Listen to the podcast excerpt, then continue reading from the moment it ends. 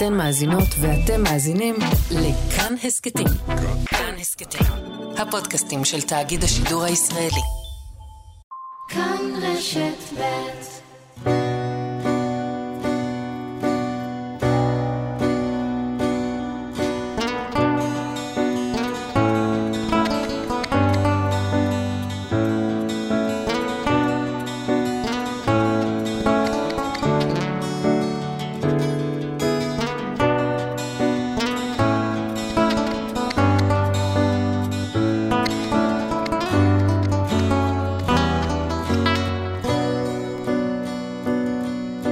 שבת שלום.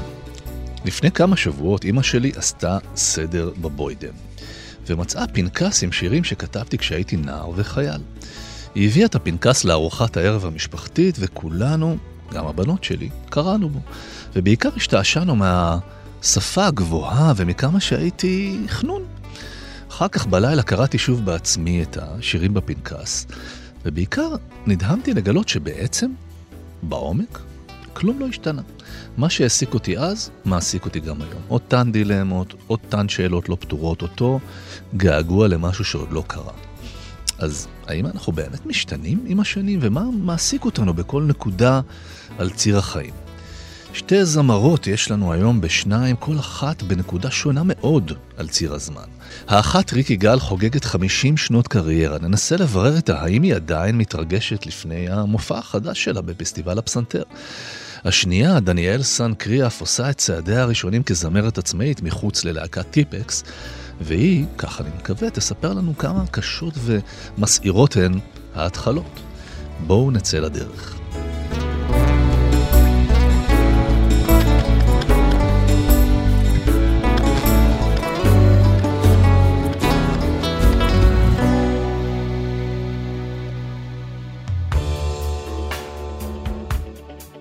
האיש שקטה עכשיו, ילד אסור, ילד מותר, לגור איתו. בני בני ילד רע, נערת רוק, יש לי חולשה לרקדנים, מערבה מכאן. בצער לא רב, ביגון לא קודר, ריקי גלי, הכל מאחורי כל השירים האלה, ועוד רבים אחרים, וריקי גל איתנו בשניים. שלום ריקי. שלום אשכול.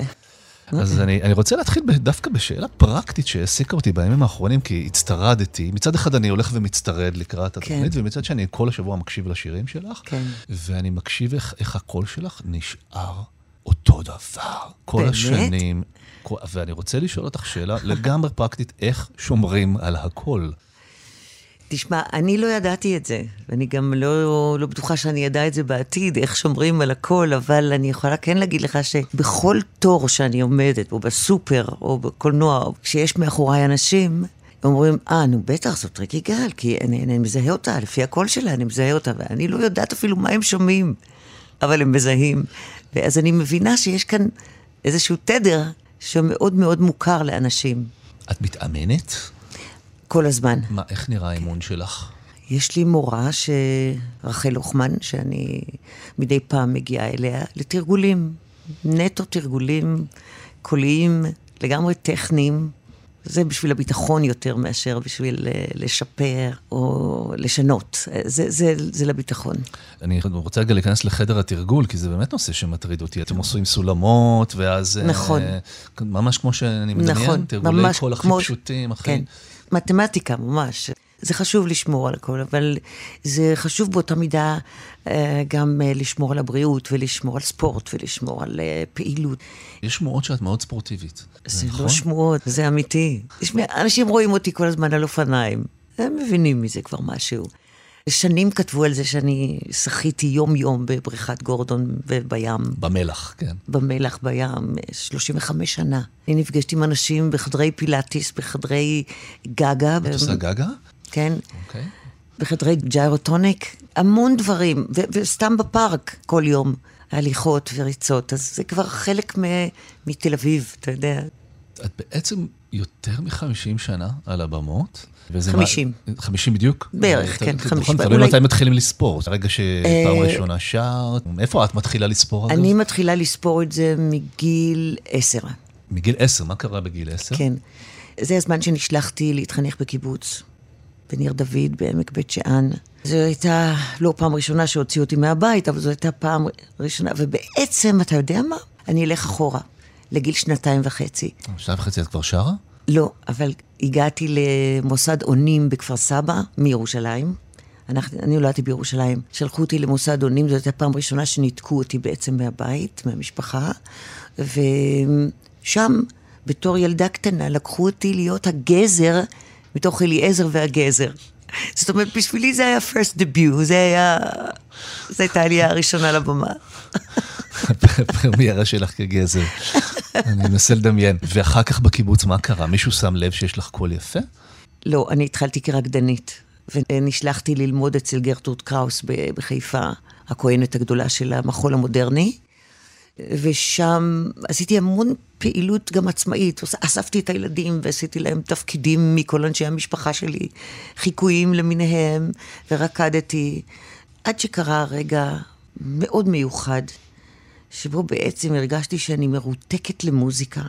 וצעדתי בשבילי המשק והגעתי לסנדלריה, ושם ישב סנדלר שהגיע כל בוקר מעפולה עם טרנזיסטור ביד, ותיקן ועשה נעליים לחברי המשק. אני לא יודעת מה קרה לי, אבל אמרתי, אני רוצה לעבוד בסנדלריה, אני רוצה להיות סנדלרית. להפתעתי, המשק הסכים, והגעתי לסנדלריה רק כדי להקשיב לטרנזיסטור כל השעות, שעות העבודה, וככה עם פטיש ומסמר ואורות ו- ונעליים ספגתי מוזיקה.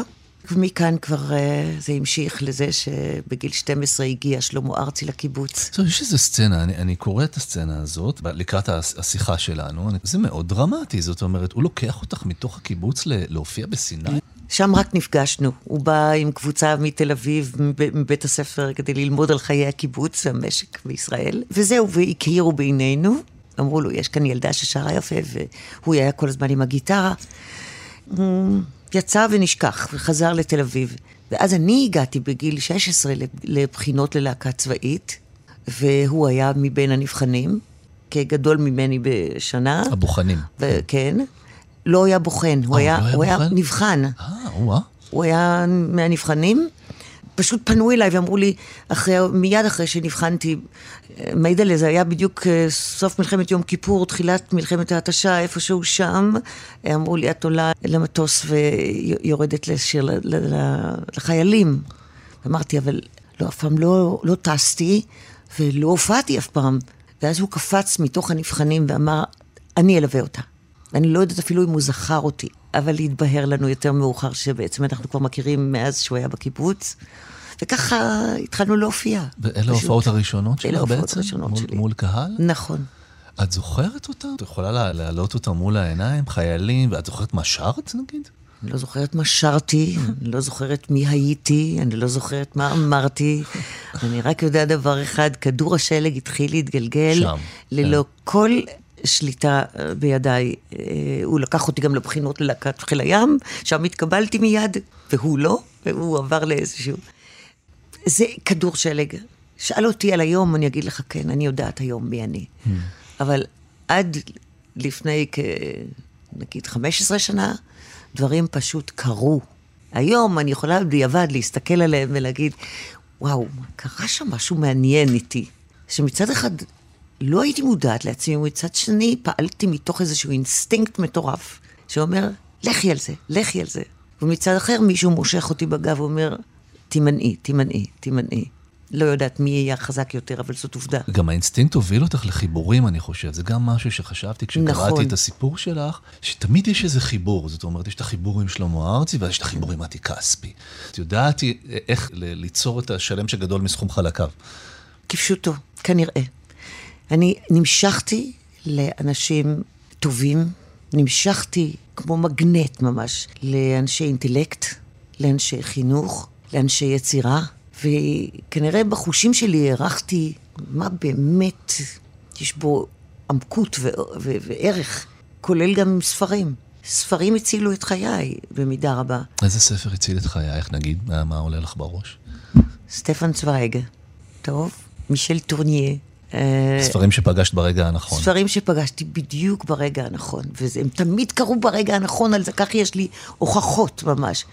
ותמיד זה הפתיע אותי, איך זה קורה שדווקא ברגע הזה, במקום הזה, נפגשתי עם היצירה הזאת, או עם הספר הזה, או עם, עם השיר הזה, וזה המשיך לעבוד בשבילי. בתוכנית שלהם אנחנו מארחים תמיד שני אורחים, ויחד איתך אה, חולקת את השעה אה, דניאל סנקריאף, שהיא זמרת מתחילה. היא עכשיו עזבה את טיפקס והיא פורצת בקריירה עצמאית. אז דווקא אני רוצה לשאול אותך שתי שאלות מהפרספקטיבה של, ה, של הפזם. ואני אה, מכירה אותה גם, אגב. אני, אני בטוח. היית ממליצה לה? זאת אומרת, שאלה הכי פשוטה זה האם היית אומרת לה כן, זה חיים ששווה לחיות? אתה לא יכול להגיד שום דבר שכזה, לאף אחד. יש איזה חושים פנימיים שאומרים לך, מישהו היה אומר לך, אל תכתוב, או, או תכתוב, ואתה היית... לא הייתי מקשיב. כן. ודאי שלא. כך גם אני. למרות שאבא שלי היחיד שאמר לי, אז מה, אתה תהיי זמרת, אתה, יש לך קול של ציפור. מה, לא האמין בך. שירי, אין בזה כסף, זה לא מקצוע. אתה יודע, אתה מכיר את כל הקלישאות האלה. מה זה, אז משהו עזר לו? ודאי שלא. הוא אגב זכה לראות. אותך בהופעה? אני, אני, היה... פעם אחת פעם- בלבד? לפני שהוא נפטר ממש. בהופעה עם קהל. וש- בקולנוע מוגרבי בתל אביב. מה את אומרת? כן. ומה הוא אמר אחרי זה? אני לא ידעתי, הוא לא אמר לי, לא דיבר איתי אף פעם. רק אחר כך סיפרו לי אנשים שהוא הלך עם התמונה שלי בפנקס שלו, ותמיד הראה אותו, תמיד התגאה בי, כנראה, אבל לא משהו שאני ידעתי עליו. לא, רק. מה מעניין, את יודעת, להורים. להורים קל להתגאות לפעמים באופן עקיף, כן, ולא באופן ישיר. בפני זרים, כן, יותר בפני מאשר... זרים. אתה שומע מהזרים שהתגאו בך. נכון, אבל זה אלה שיש להם אה, רגשי אשמה, לפי דעתי. יכול להיות. אה, האשמה לא מאפשרת להם לחזור בם. עוד שאלה לגבי הפרספקטיבה, בכל זאת, אני מסכים איתך, אי אפשר להגיד למישהו אם להיות זמר או לא, אם להיות אומן או לא, אבל כן אם היית צריכה לתת טיפים לזמרת שעושה עכשיו את הצעדים הראשונים שלה, מה כדאי, מה כדאי שהיא תדע? גם זה לריק, אתה לא, יודע. לא יעבוד. מה- מה- לא, תשמע, אתה לומד כל הזמן מאנשים, והחושים שלך מפגישים אותך עם אנשים, ואתה שואל, למה דווקא הפגישו אותי עם האיש הזה או הזה, וכך דברים קרו.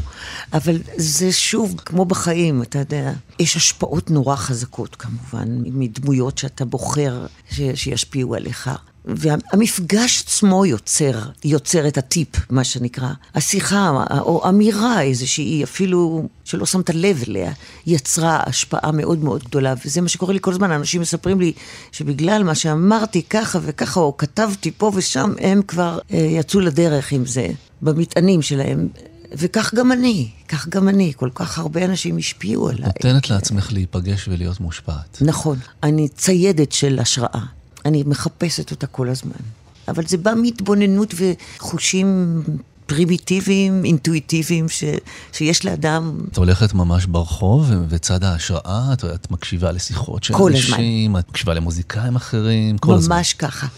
כל הזמן האוזניים שלי עובדות ו- וקולטות, ואני מציינת לי משהו שהשפיע עליי, או איזה ליין אפילו, או איזה מילה, או, או צירוף של שתי מילים שהשפיעו עליי, ואני אומרת, וואו, איזה, איזה יופי, איך לא חשבנו על זה קודם. אז בגלל שזה רדיו, המאזינים לא יכולים לראות, אבל אני, אז אני אתאר להם שהעיניים שלך אה, הן דלוקות וסקרניות. זאת אומרת, אני לגמרי יכול לראות את זה, את הניצוץ. אני נדבק רגע באינטואיטיביות שלך ובללכת עם מה שקורה באותו רגע. יש עוד מפגש שקרה לך בשנים האחרונות, אה, וזה מפגש של אהבה. אה, בוודאי. ו- אז בגלל שאת הזמרת של מה זאת אהבה, אז אני רוצה לשאול אותך מה את מבינה היום על אהבה אה, של- שלא הבנת פעם, כי בכל זאת עברת גלגולים. תשמע, זה דומה מאוד למה שאמרתי לך קודם. אדם עובר תחנות בחייו, הוא לא מבין למה הוא היה בתחנה הזאת או אחרת, אבל בסופו של דבר הוא נבנה מזה. ומה שקרה לי בעשר השנים האחרונות, זאת התחנה החשובה ביותר בחיי, אין ספק. החיים הפגישו אותי עם אדם כל כך, כל כך, שכשאני חושבת עליו, אני אומרת, רגע, בעצם זו הדמות שאני ציירתי בתוך תוכי, בנפשי. שאם קיימת כזאת דמות שאני אוכל לחיות איתה שנים ארוכות ולחלק איתה את חיי ו- ולהיות עדה לו והוא עד לחיי, את דמיינת אותו לפני שהוא בא. כן.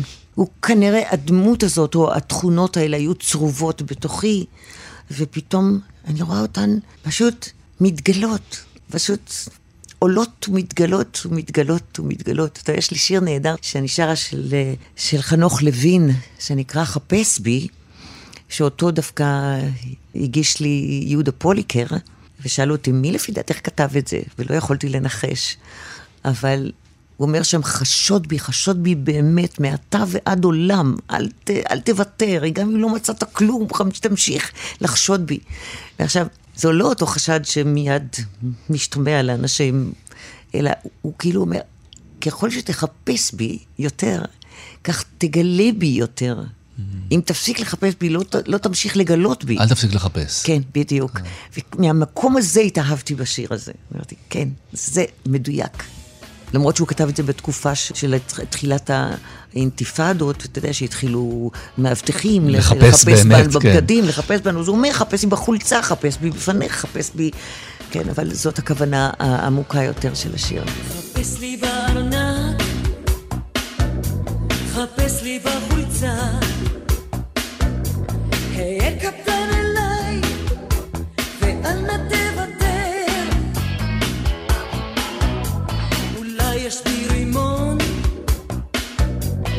אולי יש בי פצצה. אולי יש בי גם משהו, משהו אחר. זו עצה טובה, אני חושב, לשמור על אהבה גם, להמשיך לחפש זה כל בדיוק, הזמן זה- בתוך זה- האדם שאתה נמצא איתו. לא... וזה גם, זאת ההתפתחות שלה גם. אני חושבת שמרגע לרגע, כשאתה מגלה את המעלות של האדם שאתה חי איתו, והן הן על המשקל הרבה יותר גדולות מהחסרונות, אז אתה מיד כמובן יכול אה, להגדיל, להצמיח את האהבה שלך אליו, ולעצמך גם. יש גם, אה, זה באמת נשמע, באמת נשמע שאת בטוב. יש גם חשש להיות מאושר, כי נגיד, החוויה של להקשיב לשירים שלך, זו תחושה מאוד חזקה של רוק אנד רול. שתי המילים ש, שככה עלו לי לראש תוך כדי הקשבה זה כאב ויצר. אז אולי, לא יודע, אולי... ותשוקה. ו- כן. אל כן, תשכח. כן, ותשוקה, כן. אנחנו כן. לא יכולים, מהיצר אנחנו אל התשוקה. נכון. אז יש גם חשש שאם תהיה מאושר, או אם תהיה בטוב, בתוך איזה מין אה, משהו הורמוני לך. כזה, אז, אז מאיפה יבוא הרוקנרול? לא. לא. זה קומבינציה נהדרת, תשמע. אותו כאב שחווית, או אותן אפילו רגעי אושר, אותם רגעי אושר שחווית, הם מחוברים יחד, זה, זה תמהיל כזה נפלא של, של החיים, ש, שאתה סוחב אותם כבר כל כך הרבה שנים, ויש לך נקודות פורקן במהלך השנים. ככה אני חשה את עצמי, אתה יודע, כאילו, גם מצד אחד מאוד מאוד אה, כאובה, או כבר לא, כבר לא כמובן, אבל עדיין אתה חש את זה, את, ה, את המשקל הזה, כן, אני מבין מה את בתוכך, אומרת. ו...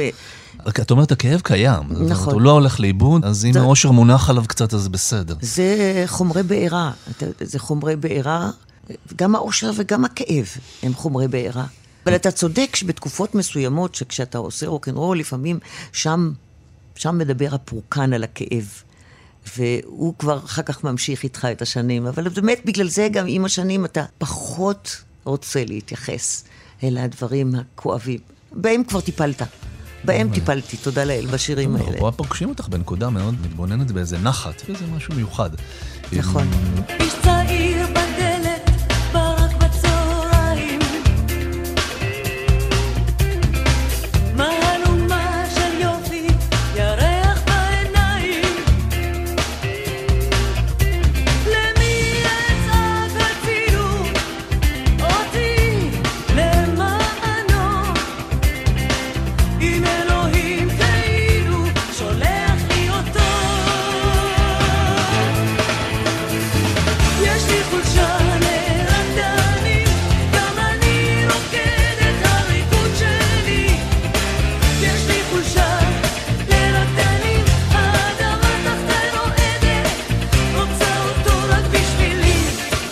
שאלון מהיר, ממש. זה אנחנו ממש נהיה מהירים, זה רוקנרול פה. יאללה. יש לך חולשה לרקדנים?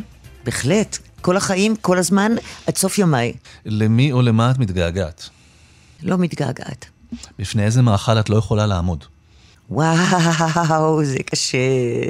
זה קשה כי אני אדם שאוהב לאכול ולבשל. ולבשל, ואני אוהבת בעיקר לטעום, אני אוהבת להכיר טעמים חדשים. אוקיי, תני לי אחד. כל הזמן. אחד שאם היה פה מונח על השולחן, אז אה, לא... עזוב, שום. שום, באמת שום? וואו, זה לא ציפיתי, אוקיי. כוסברה ושום. אוקיי, זה לא, זה לא, לא ראיתי את זה בא. אה, נגיד שהייתי עם חברים בערב קריוקי והיית צריכה לשיר שיר של מישהו אחר, מה היית שרה? ז'אק ברל, עם ז'אק ברל ברל. התחלתי את הקריירה שלי. בוא נשמע קצת. Ne me quitte pas, il faut oublier, tout peut s'oublier, qui s'enfuit déjà, Oublier le temps des malentendus et les temps perdus. À savoir comment oublier ces heures que tu es parfois à coups de pourquoi. Le cœur de bonheur ne me quitte pas, ne me quitte pas, ne me quitte pas. You, עשית לי את זה. וואו, אני לא אעזוב יותר אף אחת. זאת אומרת, אי אפשר לעזוב אף אחד אם- אם- כשזה בא ככה. אני- זה- כשזה אחר שאישה שרה את זה, זה מכיוון אחר לגמרי. נכון. איזה יופי. למרות שאני כן לוקחת את הכיוון של הגבר שלא מפחד לפעמים ליפול על ברכיו. ליפול על ברכיו, כן. כן. זה חשוב ליפול לא על הברכיים. מתבייש ולא מפחד. חשוב מאוד ליפול על הברכיים לפעמים. האם סירבת פעם לשיר בפני מישהו או לעלות על במה כלשהי? לא זכור לי כזה דבר. מה ההופעה הכי לא מוצלחת שהייתה לך? אני לא זוכרת. את- לא, אני יכולה לספר לך שהופעה אחת ירדתי מהבמה, חשתי שאני חווה איזשהו משבר. תוך כדי. כן, וירדתי מהבמה, והיה לי קשה מאוד לחזור אליה. בסוף חזרתי, נדמה לי, כן, אבל זה כבר... זה היה חזק, זה היה חזק מאוד. זאת אומרת, המשבר היה שלך בלי קשר לקהל. לגמרי שלי, כן. ולגמרי לא מסוגלת יותר להתעמת עם, עם אדם מולי. חייבת רגע לברוח. מה קורה בפסטיבל הפסנתר? אוקיי. תספרי לנו. אני אה, מכירה את שלומית אהרון, זמרת שנולדה יחד איתי בחודש יולי ובאותם שנים. אנחנו עובדות יחד כבר מלפני 30 שנה, מעלובי החיים ועד עוד חוזר הניגון שעכשיו רץ על במות הבימה. ובגלל שאנחנו התחברנו, ואנחנו בחדר אחד, שלישייה נהדרת של מאיה מעוז ושלומית ואני, את בעצם צילה בינדר בחוזר נכון, אני צילה. בינדר את האישה רחל. אחרת. כן. והיא רחל מרקוס. כן. אבל כמה מתאים, תראה, שאני אה, צילת בינדר, נכון? וזהו, והחלטנו של- לנסות אה, להעלות משהו לכבוד פסטיבל הפסנתר, או עקב פנייתם של אה, פסטיבל הפסנתר. ובנינו לנו ערב מאוד מאוד מיוחד, אני חושבת, שכבר סולד אאוט, ושם נשיר שירים שרנו יחד, או שחיברנו יחד, ונספר סיפורים, את סיפור ההיכרות שלנו, את סיפור החוויות האישיות שלנו קצת, ונהנה, ונראה לאן זה. כן, נקווה שיוסיפו עוד הופעות. אנחנו מסיימים תמיד עם האורחים שלנו בהמלצה לשבת. כן. זאת אומרת, ל- לשלוח את מאזיננו או להקשיב למוזיקה של מישהו אחר שאת אוהבת, או לקרוא ספר, או לראות סרט, או לבשל אה, משהו שאת ממליצה לבשל. הבמה פתוחה. תראה, מכיוון שהזכרנו כבר את uh, סטפן צוויג, שאם היית שואל אותי עם מי הייתי רוצה להיפגש לראיון, אז הייתי אומרת לך... סטפן עם צוויג? סטפן צוויג. כן, אז uh, מי שעוד לא קרא את העולם של אתמול, אני חושבת שזה יחדיר בו לא רק התרגשות בלתי רגילה, כביוגרפיסט שיכול להעביר להם את, תקופה, את התקופה הכל כך מעניינת של, שלנו כיהודים בזמן אה, מלחמת העולם השנייה, ועוד הרבה לפניה גם. התקופה הנאורה של אחרי מלחמת העולם הראשונה, עד מלחמת העולם השנייה. זה חומר כל כך מעניין ומרתק. הלוואי והייתי יכולה פה לשבת ולקרוא את כל סדרת הספרים שהייתי רוצה להמליץ. אז סטפן צוויג, העולם של אתמול. ריקי גל, ממש תודה. תודה גם על השיחה וגם על, ה, על התירוץ להקשיב ל, לשירייך במשך שבוע, היה השבוע רוק אנד רול. ונתראה. נתראה ונשתמע. כיף לך. תודה, תודה אשכול. גן עדן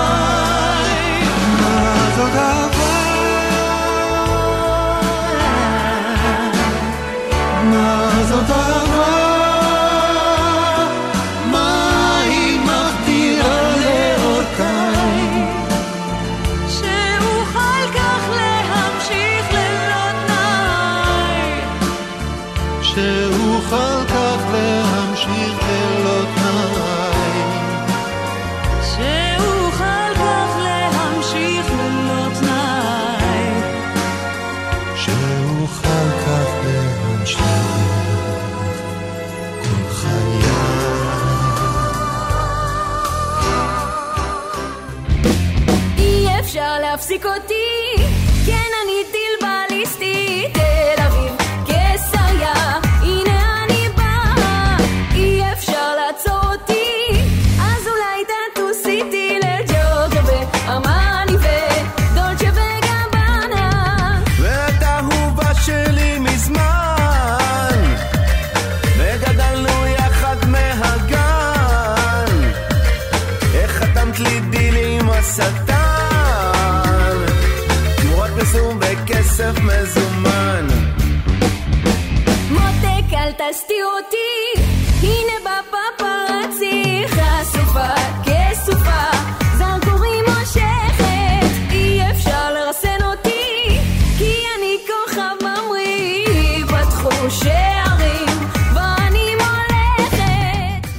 הקול שאתם שומעים ברקע, הטיל הבליסטי הזה, הוא של דניאל סן קריאף. עד לא מזמן חלק מטיפקס, ועכשיו פורצת בדרך עצמאית משלה, עם אלבום חדש בהפקת תומר יוסף מה Balkan Beat Box. זמרת צעירה, עם הרבה כאב, הרבה תקווה והרבה מה להגיד. שלום דניאל. שלום. רציתי להתחיל במשהו שמחבר בינינו, שנינו ילדי מעברים. אז אני מסתכל על ילדותך, היה לנו ככה, פרדס כץ, פתח תקווה, קריית גת, אשדוד, באר טוביה, וזה כל זה רק עד גיל 18, ואז גם ראיתי שכמוני גם המשכת לעבור בתים. נכון. אז רציתי לשאול אותך, זה באיזה אופן זה עיצב אותך, נגיד, את האדם שאת עכשיו. אני לא באמת יכולה להגיד, אבל אני, אני יכולה לשער שאני אוהבת להשתייך וגם לא להשתייך. כלומר, אני מאמינה בקהילתיות נגיד, אבל מאוד גם מאמינה בחופש. כלומר, ערכים זה הדבר שאמור לחבר בין אנשים, אבל תן לכל אחד להיות מה שהוא רוצה. אני חושבת שזה חשוב לי מאוד בחיים, וזה עדיין מקום שאני חוקרת אותו. וגם אה, חברויות. החברים באמת הקרובים אליי שהחזיקו שנים הם לא מהתקופה הזאת, לא קשור למסגרות שהייתי בהן. יש אנשים שהם תמיד יהיו בלב שלי ואנחנו תמיד מדברים, גם אם אנחנו חצ... פעם בחצי שנה מרימים טלפון. שאני יודעת שאני יכולה לסמוך עליהם ולהיתמך. זה אחד הדברים הכי יפים והכי חשובים לי, וגם גיליתי את הערך של זה ואת ה... כמה חשוב לי להיות טובה בזה, בתוך הזוגיות שאני עכשיו נמצאת בה, שהיא בריאה והיא טובה, ושאנחנו מקיימים חברויות בתוך המשפחה הקטנה שאנחנו התחלנו. אני יודע שבמשך שנים, נגיד, יש תרגילי אה, דמיון מודרך כאלה, ואומרים לך, דמיין בית. ולא הייתי מצליח לבחור מכל הבתים שהייתי בהם. אז היום, כשנגיד, אני אגיד לך, תדמייני בית, או תחושה של בית, אז איפה זה יהיה? מה? אז איפה, אני לא יודעת, אבל מאוד ברור לי איך הבית הזה נראה. יש בו אופק, לא רואים בניינים, לא רואים בטון, לא רואים מהחלונות בטון. רואים טבע, רואים מרחבים, רואים גינה, אני רוצה לגדל ירקות. תהיה לי איזה איזה או שניים, או חתולים, הכל סבבה, ועץ, זה מה שאני רואה. ובוא נדבר על מוזיקה. איפה מכל הבתים האלה היה הבית שבו הבנת שאת שרה? זה קרה באשדוד, הייתי בחופית בי"א, והיה לי מורה לקרן קרב, שבעצם לימד אותנו לתופף קצב, ועל התוף הכי זול שהיה, שזה היה בזמנו אז דרבוקות, אז זה מה שהכרתי. ועליו היינו מנגנים ממש בין הברכיים. ואני ממש עפתי על זה, זה ריתק אותי. ואז התחלתי לשיר עם זה. ו... זה בעצם לשיר על הביט. כן, כאילו אין לי דרך אחת להלחין, יש לי המון המון דרכים שאני כותבת ומלחינה בהן, וזה אחת מהדרכים. והמורה הזה ממש חשף אותי לזה, הגעתי בעצם מכתיבה לפני, ואז המשיך לקצב, שירה, וכן הלאה וכן הלאה, גיטרה. דלג כמה שנים קדימה, איך הופכים להיות הזמרת בטיפקס? הייתי ממש עכשיו, אגב, בהופעה שלהם, ויש מישהי כן. ששרה את השורות שלך. כן, לגמרי. אז, אה, אז זה לא אותו קול, אגב. אני יודעת, לא, אני כי... מקבלת הודעות. יש לך את הגוון שלך, זה לא אותו כן. דבר. איך זה קורה? זאת אומרת, מה, קובי עוז מתקשר אלייך, או את מתקשרת אליו? אני כתבתי איזה שיר, שהוא שיר מספר 7 באלבום הראשון שלי, שזה דואט שלי עם קובי, שפשוט שכתבנו את המילים, אז חשבתי מי יתאים לשיר אותם. ואז השגתי את המייל של קובי, לא ממש הכרתי אותו טוב, אבל קלאסיקה, כולם יודעים ומכירים. הוא אמיץ, הוא מפתיע, אז הוא אמר כן, הוא בא להקליט את השיר, אבל ימים אחר כך, חודשים אולי, הוא פנה אליי שאני אבוא לעשות קולות בחלום עקבותיך, שזה פרויקט שהוא עשה. עשיתי קולות, נסעתי להודו, שלושה חודשים, וכשהייתי שם הוא כתב לי, אנחנו מתאחדים, טיפקס, מחפשים זמרת לאיחוד הזה. ואז פתאום גם נכנסנו להקליט אלבום חדש, והשירים הכי מצליחים מהאלבום הזה זה באמת הדואטים האלה. אז זה היה כבוד גדול. את כבר אחרי בעצם, את כבר לא שם, ובעצם כן. עזבת, תכף אני אשאל אותך על זה, כי זה נראה לי צעד מאוד אמיץ. מאוד אמיץ. נכון. אולי נדבר על זה עכשיו. יאללה, בוא נדבר על זה עכשיו. איך עוזבים את המקום הבטוח הזה? זה באמת אמיץ, כן, אני ממש פחדתי. כי זו הייתה הפרנסה באמת היחידה שלי. מאוד קשה לעשות עוד דברים במקביל, כי המוזיקה זה עבודה מאוד תובענית, ואני עושה את הכל בצורה עצמאית, אז זה מאוד מאוד לא פשוט. בקורונה ראיתי שיש הזדמנות, כיוון שלא היו הופעות ולא רציתי לדפוק את זה. אז זה, זה התבשל בי הרבה זמן, ואז פשוט אמרתי לקובי, תשמע, הלב שלי לא כל כך שם, ואני הרגשתי שזה גם לא אתי. כמה פעמים חשבת להתקשר ולא התקשרת לפני השיחה הזאת? אה, נראה לי זה שנה, וואו. שנה, שנה ממש התבשל, ואז אמרתי, יואו, אני לא אעשה את זה בפיק, אני אעשה את זה בדיוק עכשיו, יהיה להם זמן להתארגן. איך הוא הגיב? קובי לא אמוציונלי, הוא לא נכנס לפינות הרגשיות. הוא מאוד uh, מחושב. אנחנו מאוד שונים. קובי הוא דמות ציבורית כזאת, אני כאילו, מה שאני זה מה שאתה מדבר איתי, אני עולה לבמה, אני אותו דבר. קובי פשוט uh, אמר לי, זה חסרה בהצלחה, זהו. משחק אותה קול. כמה אתה מדמיין את השיחות האלה מראש, את השיחות שהן משנות חיים, ואז בסוף כן. זה נגמר בהצלחה. זו הזדמנות נדירה בעיניי, ותופסים אותך ברגע של התחלה. זאת אומרת, את מתחילה, כבר יש לך אנשים מכירים את הכל, ובאים להופעות, ובברבי וזה. אז בעצם מה שאני רוצה לשאול אותך, כמה זה קשה להיות מוזיקאית צעירה? תשמע, קצת נמאס לי להגיד שזה קשה, אבל מצד שני זה מאוד מאוד קשה. אני מרגישה שהמוזיקה נותנת את השיעורים לי כאדם בחיים האלה, אה, לא רק מבחינה מקצועית, זה נוגע במקומות מאוד אישיים של הערכה עצמית, של ביטחון, של אה, חשיפה, של אתה חשוף. הפיזיות שלך חשופה, הנשמה שלך חשופה, אני משתפת הכל, אין דברים שאני לא מדברת עליהם. יש בזה המון המון הקרבה, ואני עושה את הדברים גם בעצמי, כלומר, זה לא מסתיים ביצירה. יש כל כך הרבה הרבה הרבה תחומים בתוך הדבר הזה, ב singer songwriter. צריך גם לשווק את עצמך כל הזמן, נכון? זה לכתוב את השירים, להלחין אותם, להקליט אותם, להפיק אותם, לשווק אותם, להפיץ אותם, לעצב אותם, ואז להחזיק צוות, להחזיק נגנים, לנצח על אנשים אה, בלי אמצעים כלכליים יותר מדי. זה מאוד מאוד קשה לגרום לדברים לקרות ולאחד את זה. וצריך איזה בעירה פנימית מאוד דור, חזקה. מלא, זה דורש תכונות על. אם היית צריכה לשים אצבע על הבעירה שלך, יש אנשים שהבעירה שלהם זה לקבל כמה שיותר אהבה. ויש אנשים שהבעירה שלהם זה נורא, תורי לומר. כן. כמו שם של אחד מהשירים שלך, נורא כן. חשוב להם להגיד משהו. יש אנשים שמניע אותם כעס ויש אנשים שמניע אותם עלבון, אבל נגיד אם יש משהו אחד שמחזיק אותך ברגעים הקשים. אני חושבת שלאנשים יש כוח אדיר לטוב ולרע. אז מה שמניע אותי זה לחשוב על זה שאני גורמת לרגעים של איחוד בין אנשים. אם זה כותבת שיר והם מזדהים איתו, יש איזה איחוד, קורה איזה קסם, איזה מפגש. וזה מדהים בעיניי. אני מחשיבה את עצמי לצד שמנסה להביא אור גם כשהוא מדבר על כאב עצב, זה תמיד עם איזשהו חיוך או אור כזה, ואז זה יגרום לייחוד, אחדות, כאילו, זה דבר שאין שני לו. נכון? כשמישהו מחייך אלינו בחזרה ברחוב, איך זה משפיע עלינו? לעומת תגובה כזאת שמורידה את הראש ולא מגיבה. כן. כן. אבל מצד שני, גם צריך להמשיך לעשות את זה. כלומר, אם פעם אחת לא חייכו אליך, וזה גם סימבולי למוזיקה. לא כל הזמן. מחייכים כן. לזמרת הצעירה. כן, להמשיך. כן. מבחינתי זה לה- להמשיך. איזה חזק זה להמשיך, ללכת ברחוב ולחייך לאותם האנשים האלה שהם משפילים את המבט שלהם. דיברת על אחדות ועל אור, אז אני רוצה לספר לך רגע שבאמת אה, איחדת בין חברים. יש לי חבר, טוב, הרבה שנים, אנחנו חברים מגיל אה, 16-17, ויש לו מין מנהג כזה, כל פעם שאחד מאיתנו שומע שיר חדש שמדליק אותו, אז הוא שולח לשני לינק, ואז אה, מדברים על זה. לא תמיד אגב ה- הטעמים מתאחדים, לפעמים הוא שולח לי דברים שאני אומר? מה?"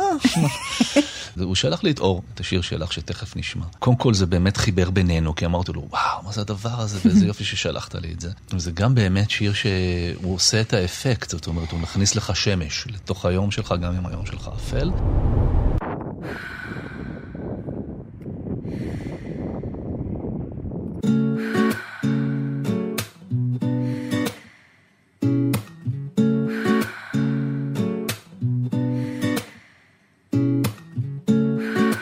פעם שהולך לי, מיד זה מתחמק.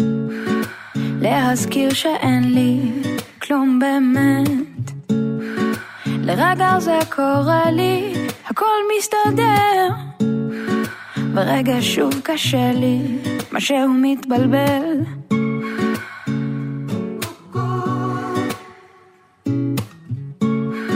כל פעם שנפלתי, ניסיתי להילחם. קיבלתי את הסימן שלי, לוותר להתקדם. כל פעם זה קורה לי, כל פעם לא לומד. הלב שלי קורא לי לא להיאחז. אין לאן ללכת, יש לאן לחזור. תשחקי תופסת עד שיעבור.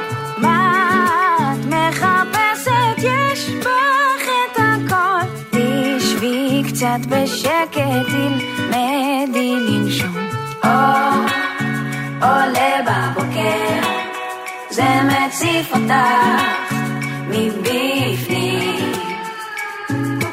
אור עולה בבוקר, זה מציף אותך מבפנים.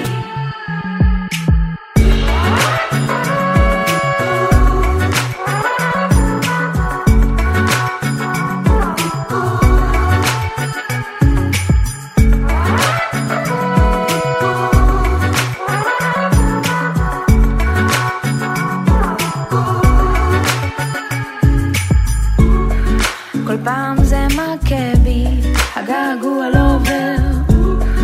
את הדרך שבחרתי, אין לי דרך לקצר. עוד פעם מתקרב לי, עוד פעם מתרחק. הלב שלי כואב לי.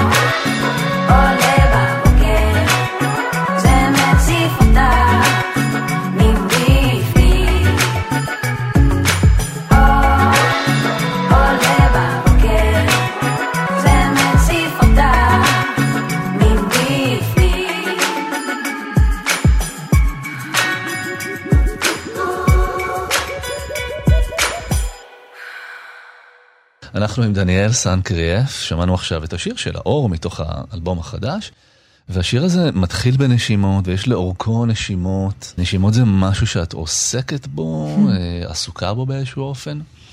ממש רגע לפני הקורונה, למדתי נשימה טיפולית. הייתי לתקופה קצרה יד ימינו של איזה מטפל, ולמדתי דרכו כל מיני דברים, והוא אפשר לי גם להיכנס לקורס הזה. וחוויתי ממש על עצמי ודרך עוד נשים שהיו שם, שהיו ממש שונות אחת מהשנייה, את ההשפעה של נשימות. כלומר, יש כלי, אתה לא לוקח סמים, אתה לא, אין מניפולציה. לוקח אוויר. אתה פשוט לוקח אוויר שקיים, וזה כלי לריפוי, כלומר שאתה נושם, מכניס הרבה חמצן בצורה מסוימת, ואתה יכול פשוט להיכנס לטריפ, מגיעות תשובות, מגיעות עידודים, מגיעות אותות מהגוף. נכנס הרבה חמצן לתאים שמעודד תהליכים של ריפוי. בתוך התאים האלה יש גם רגשות, זה לא פיזי לגמרי, יש שם כל מיני דברים נסתרים כאלה. אני ראיתי את ההשפעה החיובית של זה, של תהליכי ריפוי על אנשים, וזה חשוב זה לנשום. וכן, באמצע הסשן נשמתי ותומר, היה דיברנו על איזה משהו, אני לא זוכרת בדיוק מה קרה, אבל התחלתי לנשום והוא הקליט את זה. Mm. ואז הכנסנו את זה לשיר. אני רוצה לשאול אותך על כאב, יש הרבה כאב בטקסטים שלך. זאת אומרת, האלבום כולו נע בין אור לבין רגעים של כאב. סיפרת בשיחה אחרת על אנדומטריוזיס, אה, ושאלתי אותך לפני השידור אם זה בסדר שאני אשאל אותך על זה, ואני שואל כי אני חושב שזה חשוב. גם אנשים לפעמים לא יודעים מה זה, וגם אנשים יש להם את זה בלי שהם מבינים שיש להם אנדומטריוזיס, נכון, נשים. נכון. נדמה לי שזה חשוב לדבר על זה, אז אם זה בסדר מבחינתך, בוא ניגע בזה רגע. תספרי מתי הבנת, איך הבנת, כמה זה ייסר אותך. כן. יש שיר באלבום שקוראים לו רגישה, אנדו, והוא על זה. אני ממש חוקרת כל חיי את המעגליות, מחזור. זה יש מחזוריות בכל מיני דברים, יש עונות השנה, ובתוך הגוף של האישה יש גם מחזור מעגלי, שזה מטורף, כי הוא גם משתנה, כמו אביב, סתיו, חורף, קיץ. ויש נשים מסוימות שמגיעות לאחת העונות ומתפרקות מכאב. שנים, שנים, אפשר להגיד 12 שנה. כאב לך ולא הבנת למה? כן, ואתה מתגלגל מבדיקות מאוד לא פשוטות, דפיקות מסוימת של המערכת, ובורות, וקור. זה מטורף, כי זה... מה שאנחנו סוחבות שם מבחינה גם אישית, כל אחת עם עצמה כחברה, כנשים, כאימהות, שנים על גבי שנים, דורות על גבי דורות, זו מחאה מורכבת. היא מתבטאת בצורה כזאת של כאבי תופת. כאבי תופת קשים, אי אפשר קשים, לתפקד. קשים, קשים, קשים, קשים. היית צריכה לעלות על במה עם כאבים כאלה? הייתי, כן, ועשיתי את זה לפעמים, כשיש אה, רק גברים, כל הזמן, ב backstage, ב front stage. לא מבינים אמ, בכלל מה... לא, זה משפיע עליך. בוא נגיד שרבע שנה אתה כואב, ואין הבנה, מאוד מאוד בור, מאוד חשוך, וזה מאוד בודד להיות שם.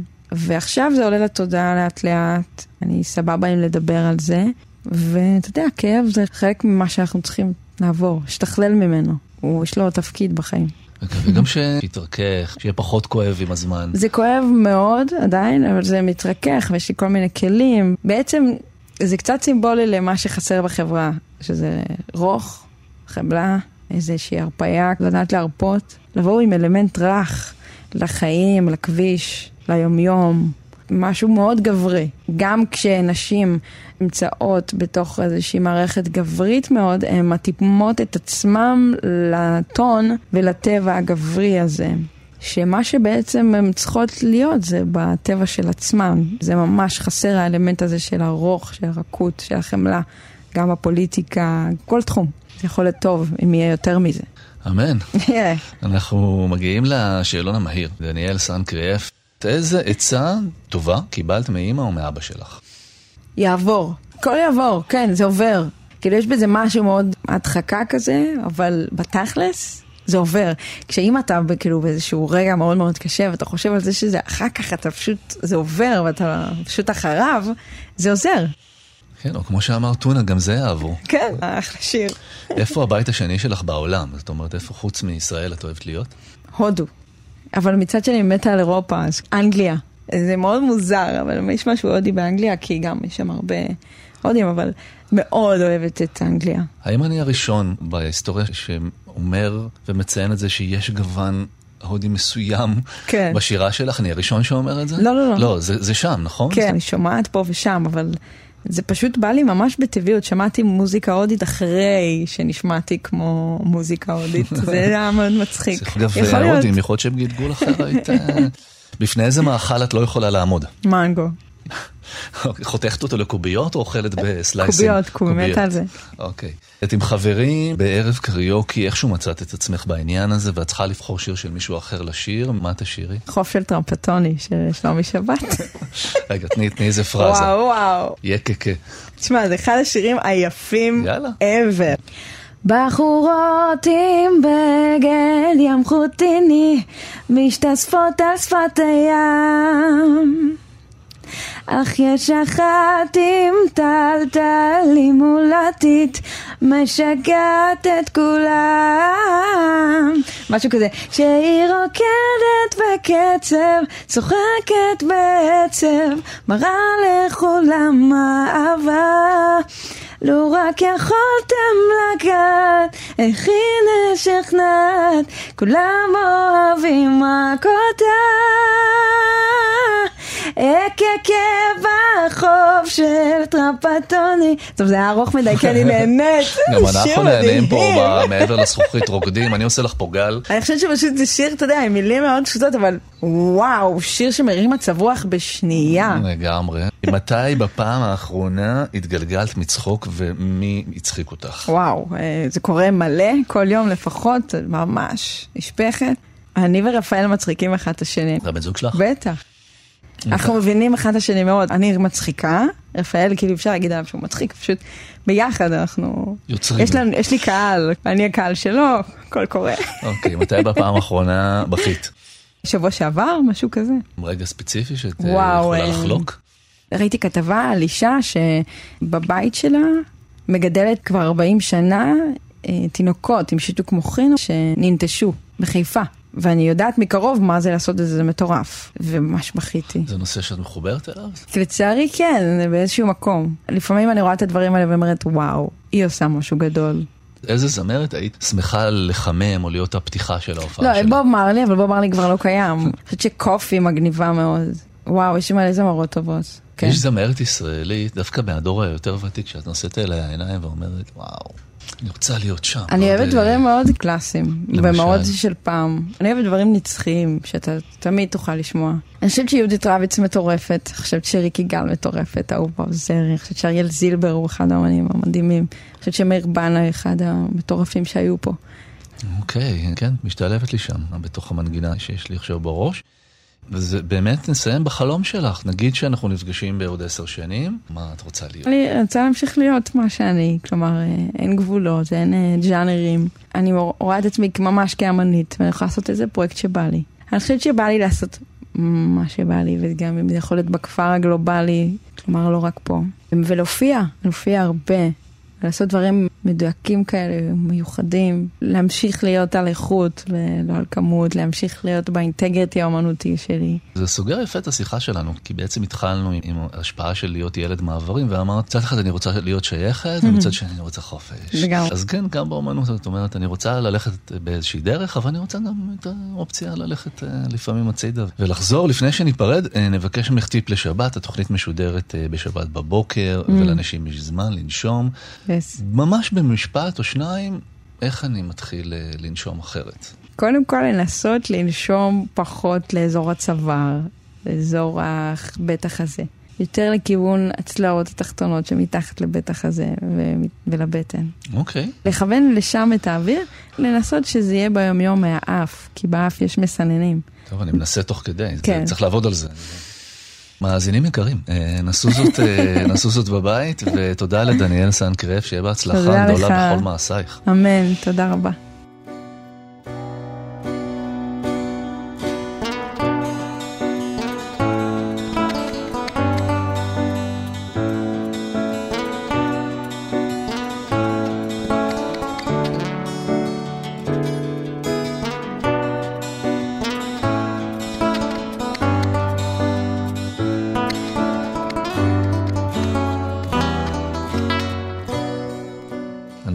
מתקרבים לסיומה של התוכנית, ואני רוצה להקדיש את הדקות האחרונות לאישה מיוחדת במינה שהלכה החודש לעולמה.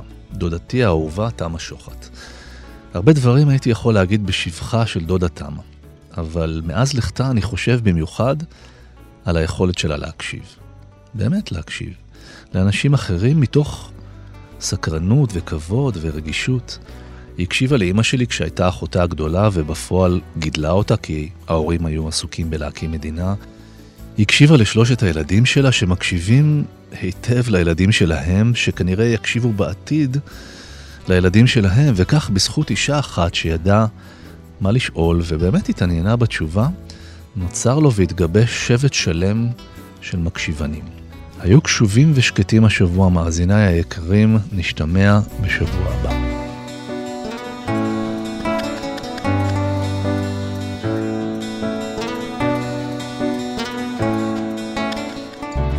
תודה לאמיר שמואלי על הביצוע הטכני, תודה לאיילת דוידי, העורכת המפיקה והתחקירנית.